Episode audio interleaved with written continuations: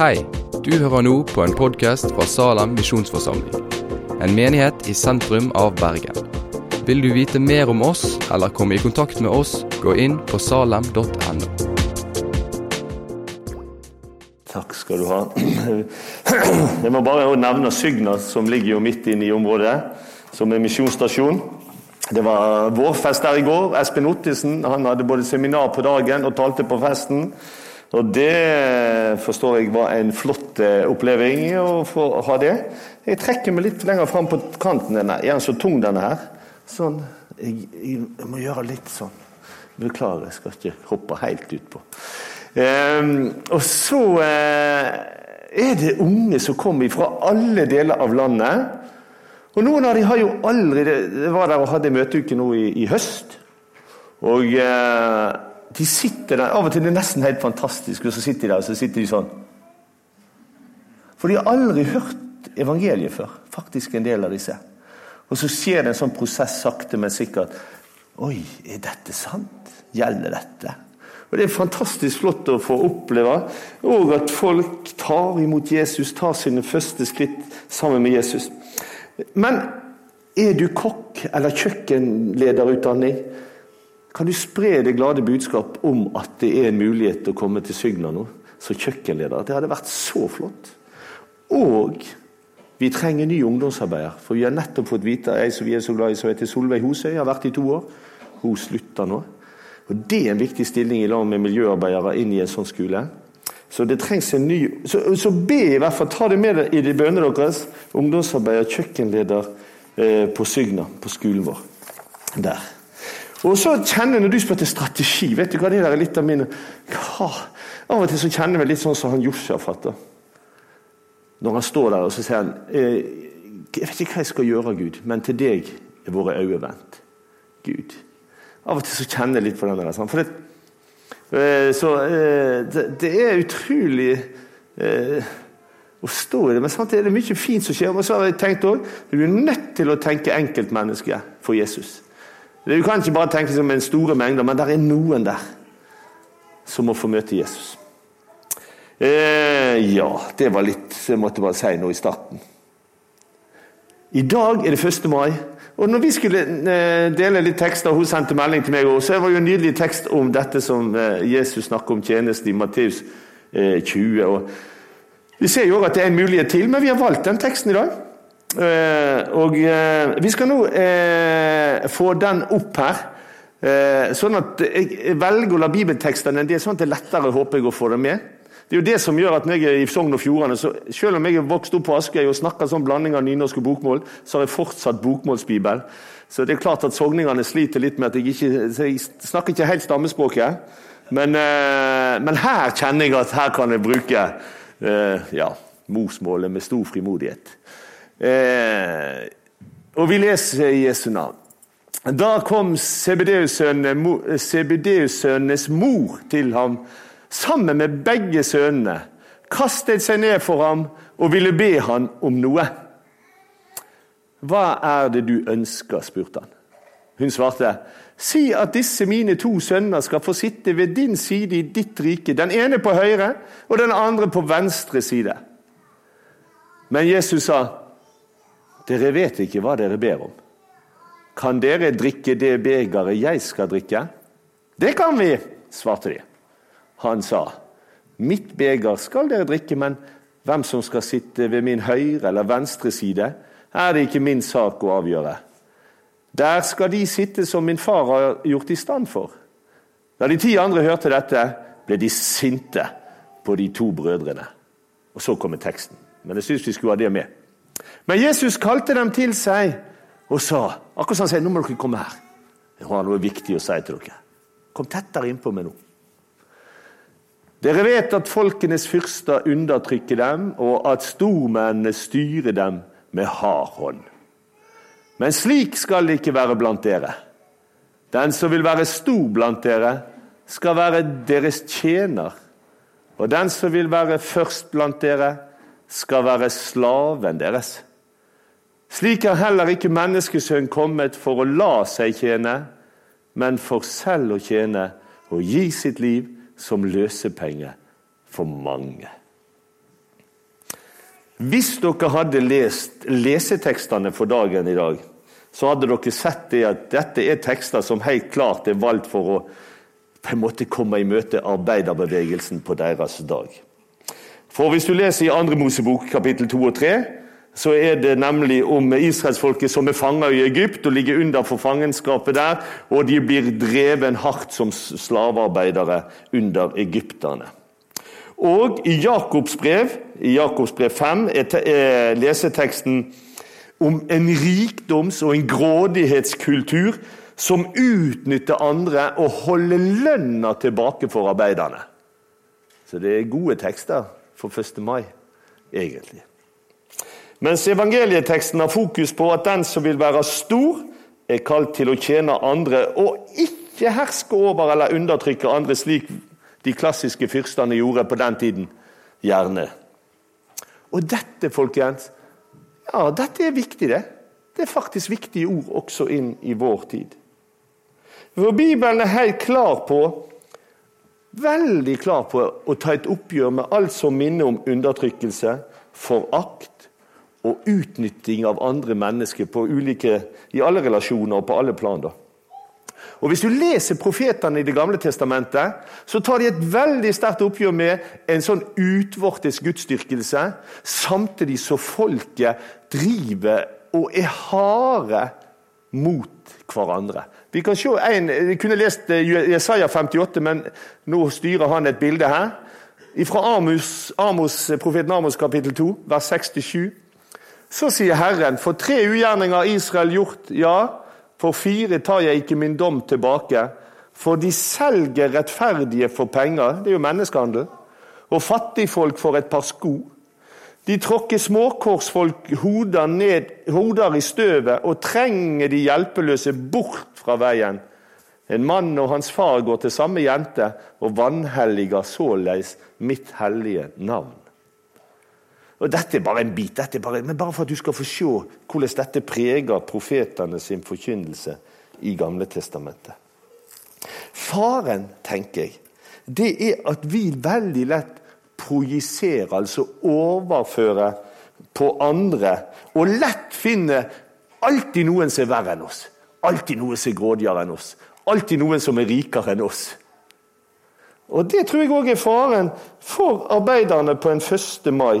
For det er lett i dag å tenke på de grådige hva skal vi si, bedriftslederne eller bedriftseierne som er ute etter størst mulig utbytte, koster hva det koster vil. Og så kan jeg som arbeider gå fri, for jeg har jo ingen topplønn.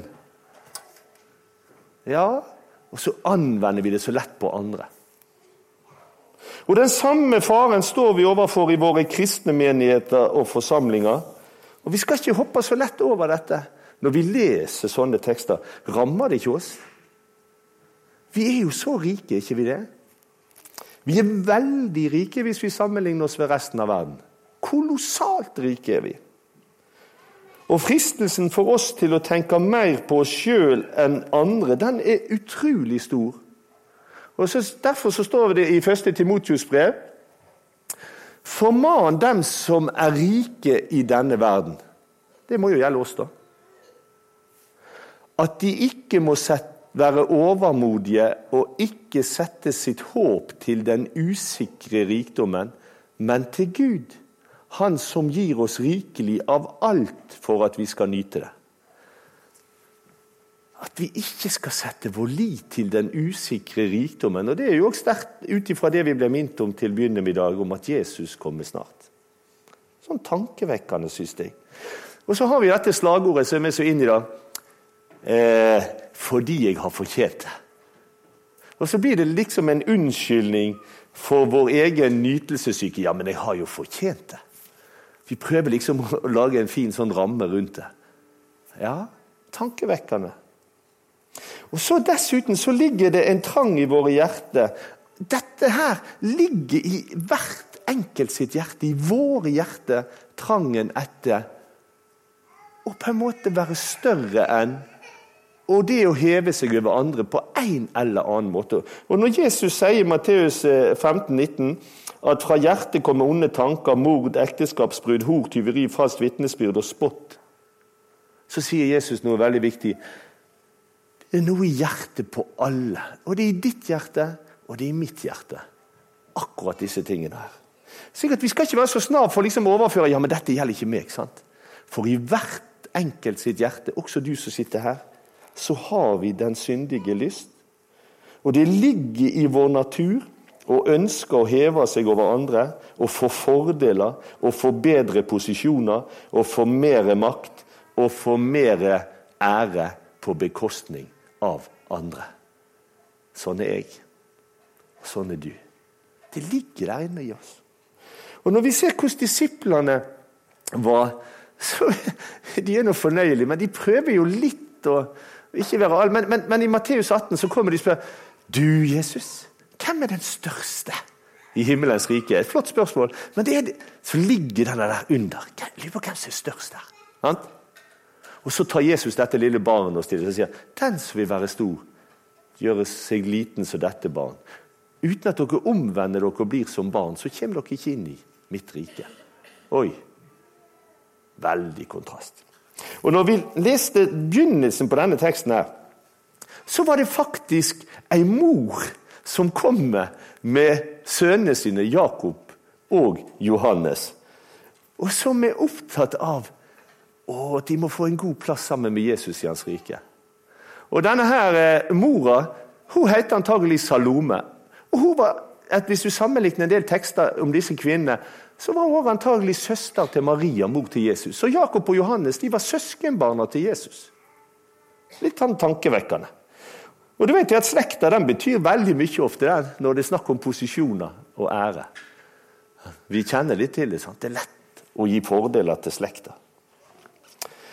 Og Nå er det faktisk ikke så veldig galt, tror jeg, det som mora gjør. Jeg synes Det er noe, det er lett å tenke over, ja, å, se på hun der mora skal blande seg borti og disse to guttene her. Men egentlig så er det jo noe vakkert hun egentlig ber om òg, ikke det? Du, Jesus, kan ikke disse to sønnene mine få sitte ved siden av deg i ditt rike? Hvor mange er det av dere og meg som er opptatt av at vi må få Det viktigste ikke at jeg får en posisjon her. De hadde jo forlatt alt og fulgt Jesus. Men at jeg må få en plass med deg i himmelen. Eller i ditt rike. Jeg vet ikke hvor vidt hun tenkte om det. Men i hvert fall så tenker jeg sånn, Det er jo noe flott med det òg. For du og meg vi er jo lettest opptatt med at jeg må få mest mulig ut av livet her. Og hva som kommer senere, og det som vi blir minnet om sterkt åpning, er det så viktig? Så Sånn sett så syns jeg det er noe fint med det som mora ber om òg. At hun ønsker at disse guttene skal få ha en plass sammen med Jesus i hans rike, først og fremst. Og Da svarer jo Jesus ganske mildt, men veldig tydelig for han har nettopp før den teksten vi leste Du skal ikke skifte ennå, jeg bare pekte nå. Men så er det sånn at Jesus har snakket om at jeg skal opp til Jerusalem og lide og dø. Og Så sier Jesus og det er et beger som jeg må drikke. Kan dere drikke det begeret? Og så er det så rart at de svarer ja, det kan vi. Med en gang så svarer de liksom ja, ja, ja. Ikke noe problem. Ikke det rart? Det er nesten så du hører litt av det samme som Peter sa. Om alle andre fornekter deg, så skal ikke jeg. Jeg er rede til å dø med deg. Det er jo egentlig det de sier. Klart at vi, vi, vi, vi tar det der. Så det er en sånn merkelig og litt sånn overvurdering av seg sjøl. Og kanskje disse to tordensønnene Jakob og Johannes tenkte at vi er nå litt, vi har en litt mer close relation, vi til Jesus. Så, så uh, han er nok sant, sitter litt høyere oppe i posisjon, vi. Nå vet vi det at Jakob var faktisk den første av apostlene som ble drept. Han fikk smake begeret. Allerede i apostelgjerningene 12 så er det Herodes halshogger Johannes. Nei, eh, Jakob. Mens Johannes han er den eneste så vidt vi vet, som ikke lei martyrdøden, men ble forvist til øya Patmos. De begge fikk smake at det å følge Jesus, det koster noe. Og det vil koste smerte og lidelse i livet. Det er egentlig det Jesus sier til de her. Men uansett så møter vi gjennom disse disiplene motiv og et hjertelag som har en trang etter å være størst. Å ha de beste posisjoner og være bedre enn de vi møter. Og misunnelse og irritasjon og frustrasjon og sinne. Og de der andre karene de blir jo sint på disse to. sant? Åh, for en måte å snakke på. sant? Og så er det masse sånne følelser inne i sving. Er det helt ukjent for dere, dette jeg snakker om? Hvem er den beste i salen? Hvem er den største? Eller på jobben, eller i nabolaget, eller Vi irriterer oss aldri over andre, vi. Vi er aldri sint på disse plagsomme typene som alltid skal stikke altså. hmm. Hvis det rammer oss, og det, jeg tror hvis vi er ærlige, så kjenner vi og Derfor så trenger vi en Jesus som kan korrigere våre syn og våre holdninger i møte med andre. For da er vi inne ved hovedsaken i teksten vår. Vi trenger først og fremst et møte med Jesus og lære av han. Vi kan gjerne snakke om solidaritet, ja. Og vi skal snakke om at en ikke skal herske over andre og trykke andre ned, ja. Men hovedproblemet i GT når profetene tok et oppgjør med folket, det var egentlig at deres holdninger og deres handlinger var et symptom på at det hadde skjedd noe i hjerteforholdet deres til Gud. De hadde vendt Gud ryggen med sitt hjerte. De hadde mista hjerteforholdet til Gud. Og hvis vi mister hjerteforholdet til Gud, så mister vi òg hjerteforholdet vårt til vår neste. Egentlig. I hvert fall det som Jesus sa. Og Derfor så tenker jeg litt sånn at ja, hvis det var en arbeider, og jeg syntes at sjefen var urimelig, og jeg ville ha, og han var grådig, så tror jeg en som hadde fått møtt Jesus, ville tenkt nå skal jeg stå på kravet, nå skal jeg ha rett. Men kanskje han ville tenkt sånn Og det er da vi sprenger litt rammene for vår tenkning. Eh, hvordan kan jeg få gjøre noe godt for han? Sjefen som jeg ikke kan fordra. Hvordan kan jeg elske han som eh, egentlig jeg syns ikke er noe hyggelig. Altså, da begynner vi å snakke sånn, altså, da begynner vi å sprenge grensene for den vanlige tankegangen for solidaritet og hvem vi er snille og greie med. sant? Det er greit nok å være hyggelig med de som er på vårt nivå, og som vi syns det er greit å leke sammen med. Men når vi møter Jesus, så begynner vi å bli pirka borti, ja, og så sprenger vi de grensene der. Så vi kommer litt tilbake til. Eh, for det har noe med vårt forhold til Jesus å gjøre. Og Jesus er jo i første, Hvis vi leser noe i Nytestamentet, også et sterkt ord. Eh, men den som har mer enn nok å leve av, og likevel lukker sitt hjerte når han ser sin bror lide nød, hvordan kan han ha Guds kjærlighet i seg? Oi, sterke ord som rammer oss dypt inn i våre liv. Du og meg, vi trenger først og fremst at Jesus fortjener oss. Med sin nåde, med sin kjærlighet, med sin tilgivelse. Og Da blir det ikke så viktig å finne feil hos andre eller heve seg over andre eller bli større enn andre. Da blir det mer enn Jesus. Kan du stelle med meg? Kan du ta med deg av mitt liv, Jesus? Han som skapte himmel og jord. Han som har all makt i himmel og på jord ble menneske for vår skyld. Og så tjener han oss så djupt at han gir sitt liv som løsepenge. For å kjøpe oss fri fra den dommen som hviler over ethvert menneske på grunn av at vi alle har synda og står uten ære for Gud. Og så tar Jesus hele prisen, og så tjener han oss like inn i døden. Det koster han livet. Og vi, vi, skjønner jo for så vidt siste kvelden før Jesus dør, når apostlene de eh, blir så frustrert på en måte, fordi at Jesus tar eh, av seg liksom, dette kledet og så legger seg på kne og begynner å vaske føttene deres. Og de protesterer vilt, fordi at dette var jo ikke engang en jødisk eh, si, arbeider verdig. Det var kun slaver som gjorde sånne simple ting som dette. Jesus, hva du gjør, kjære Jesus? Det er jo vi som skulle ha vaska dine føtter, og så vasker du våre. Og dagen etterpå så stiger han enda lavere. Han gjør ikke bare en slavejobb, men han henger på et kors som en forbryter. Hva tenkte de da? Hvor dypt går det an å gå? altså? Og så roper han, 'Min Gud, min Gud, hvorfor har du forlatt meg?' Så dypt tjente Jesus deg og meg for å betale for våre synder. Og det er så sterkt å se. Jeg sa i går kveld at folket ville gjerne hatt en mirakelkonge. Ville gjerne hatt en stor konge. Og djevelen han lovte Jesus både rike og all verdens makt og ære. Men da ville jo Jesus nettopp vært den som først tenkte på seg sjøl, sin egen ære, sin egen makt, sin egen posisjon. Men i stedet for så tenkte Jesus på deg. Det er fantastisk. Han ga sitt liv til løsepenge for at du og jeg skulle få hans rikdom og hans herlighet. For en tjeneste! Og ingen sprenger våre forestillinger som Jesus når det gjelder å tjene. Og Nå må vi få en tekst til, og da er vi litt inne der vi, som vi ble minnet om til åpning om Jesu gjenkomst. Bare du skal legge merke til det. Spenn beltet om livet og hold lampene tent. Altså Vær klar til å møte Jesus når Jesus kommer. Vær lik tjenere som venter sin herre hjem fra bryllupsfest og står klar til å lukke opp for ham så snart han kommer og banker på.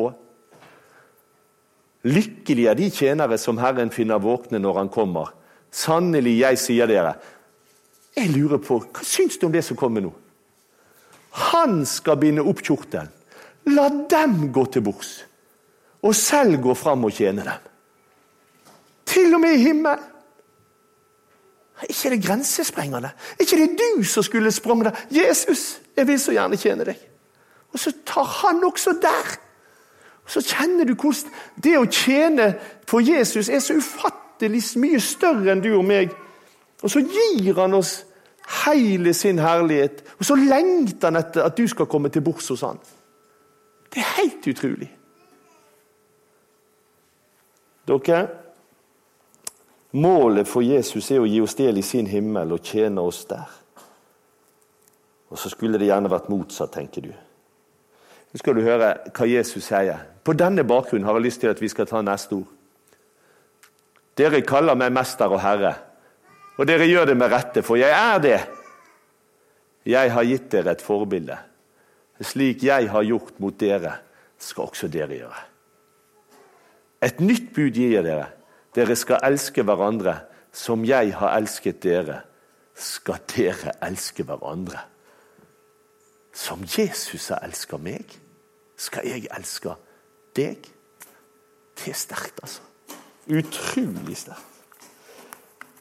Men det kan skje, det underet, hvis Jesus får møte deg med sin kjærlighet først. Og du kan sitte i denne sal og tro jeg er så grenseløst tilgitt. Jeg har en sånn fantastisk frelser. Som har tjent meg så utrolig. Og så skal jeg ut og møte mine medmennesker. Hvordan kan jeg tjene de sånn som Jesus har tjent meg? Hvordan kan jeg hjelpe andre? Hvordan kan jeg tilgi andre?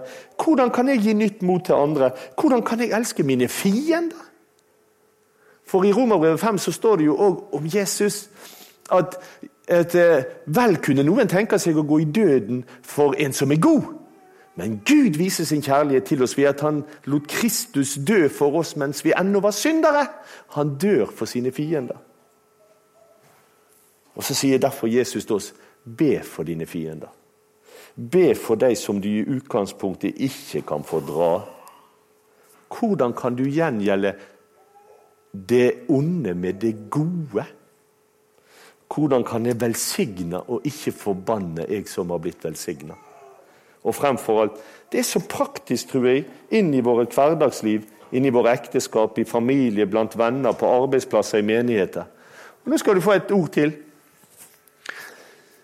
For hver den som setter seg sjøl høyt, skal settes lavt. Og den som setter seg sjøl lavt, skal settes høyt. Han sa også et ord til verten. Når du skal ha gjester til middag eller kveldsmåltid, skal du ikke be venner eller søsken eller slektninger eller rike naboer, for de kommer til å be deg igjen, og derfor får du gjengjeld. Nei, når du skal holde selskap, så innby fattige, uføre, lamme, blinde. Da er du lykkelig, for de kan ikke gi deg noe igjen. Men du skal få lønn for dette når de rettferdige står opp fra de døde. Det er liksom Oi! liksom, Sånn er Jesus. Og tenker litt inn i, i, en menighet, sånn som inn i Salem, og ikke bare Salem, i enhver kristen menighet. Av og til så kjenner liksom på Er det en restaurant vi er kommet til nå? Er det, sant? Der vi kommer liksom inn, og så venter vi på å bli servert. Lurer på om jeg liker det som han der Hva han hette igjen? Han, eh, han du Ja, sant? Likte jeg det jeg fikk i dag? Eh, er det vennlige servitører her? Eh, på en måte. Har de noe vi liker i denne forsamlingen? Og så vurderer og analyserer vi hvor godt vi liker maten og drikken og stemningen. Var det fine lokaler? Var det innbydende å være her?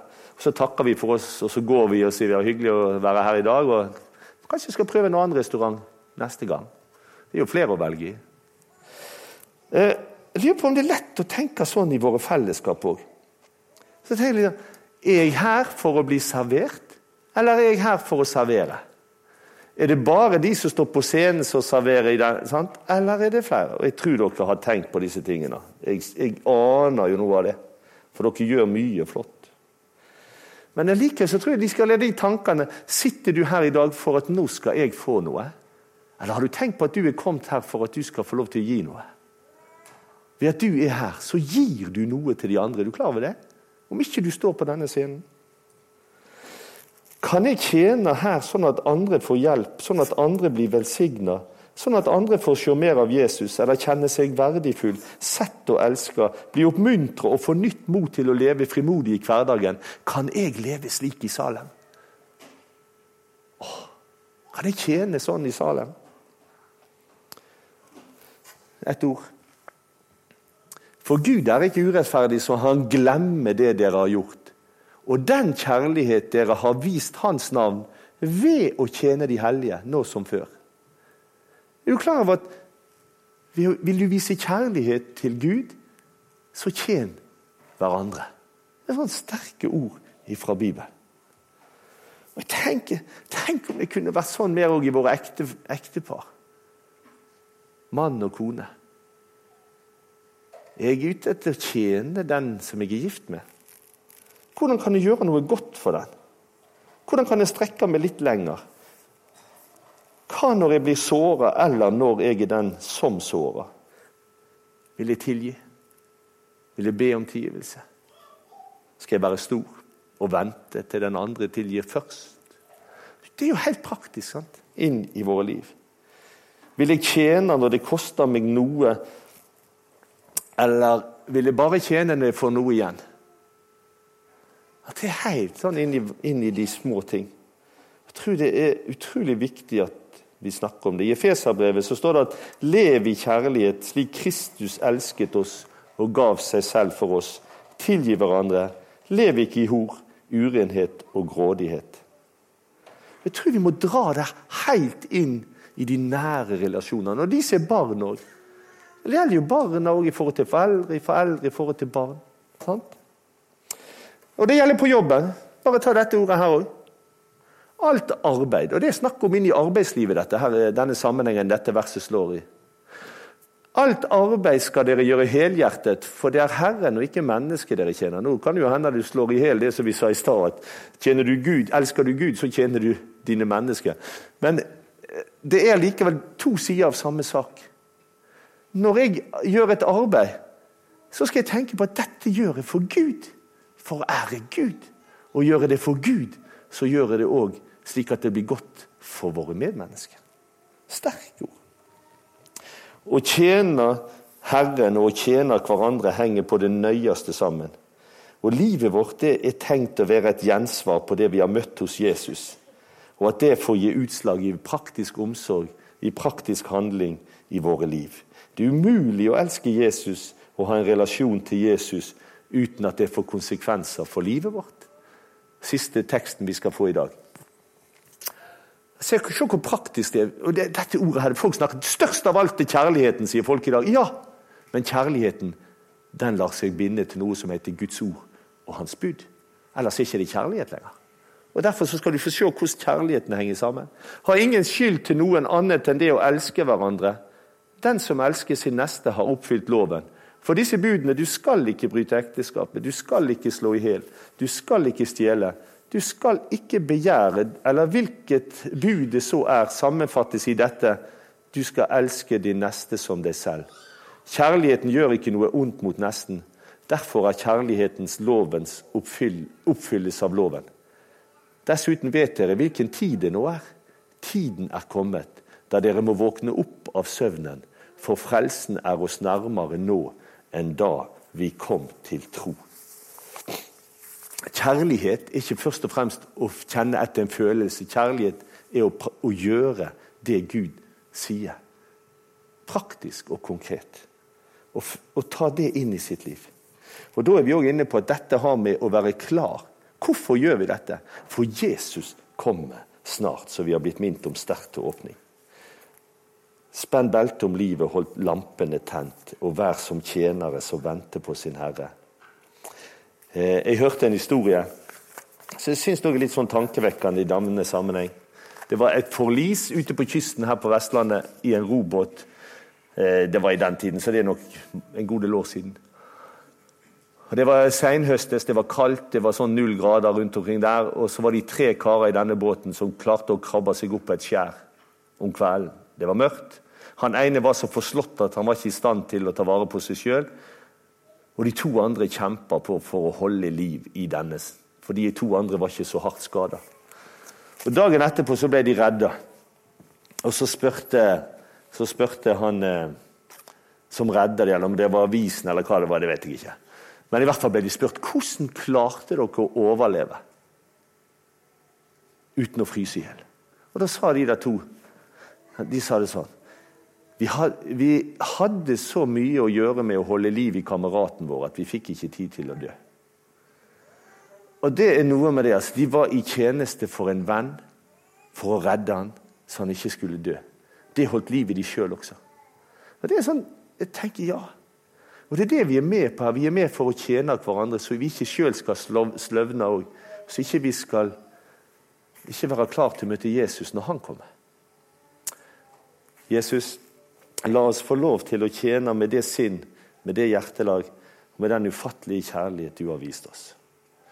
Jesus, velsign disse som er her. Velsign oss til å få lov til å ta det med oss ut i våre liv, ut i vår hverdag, i møte med menneskene.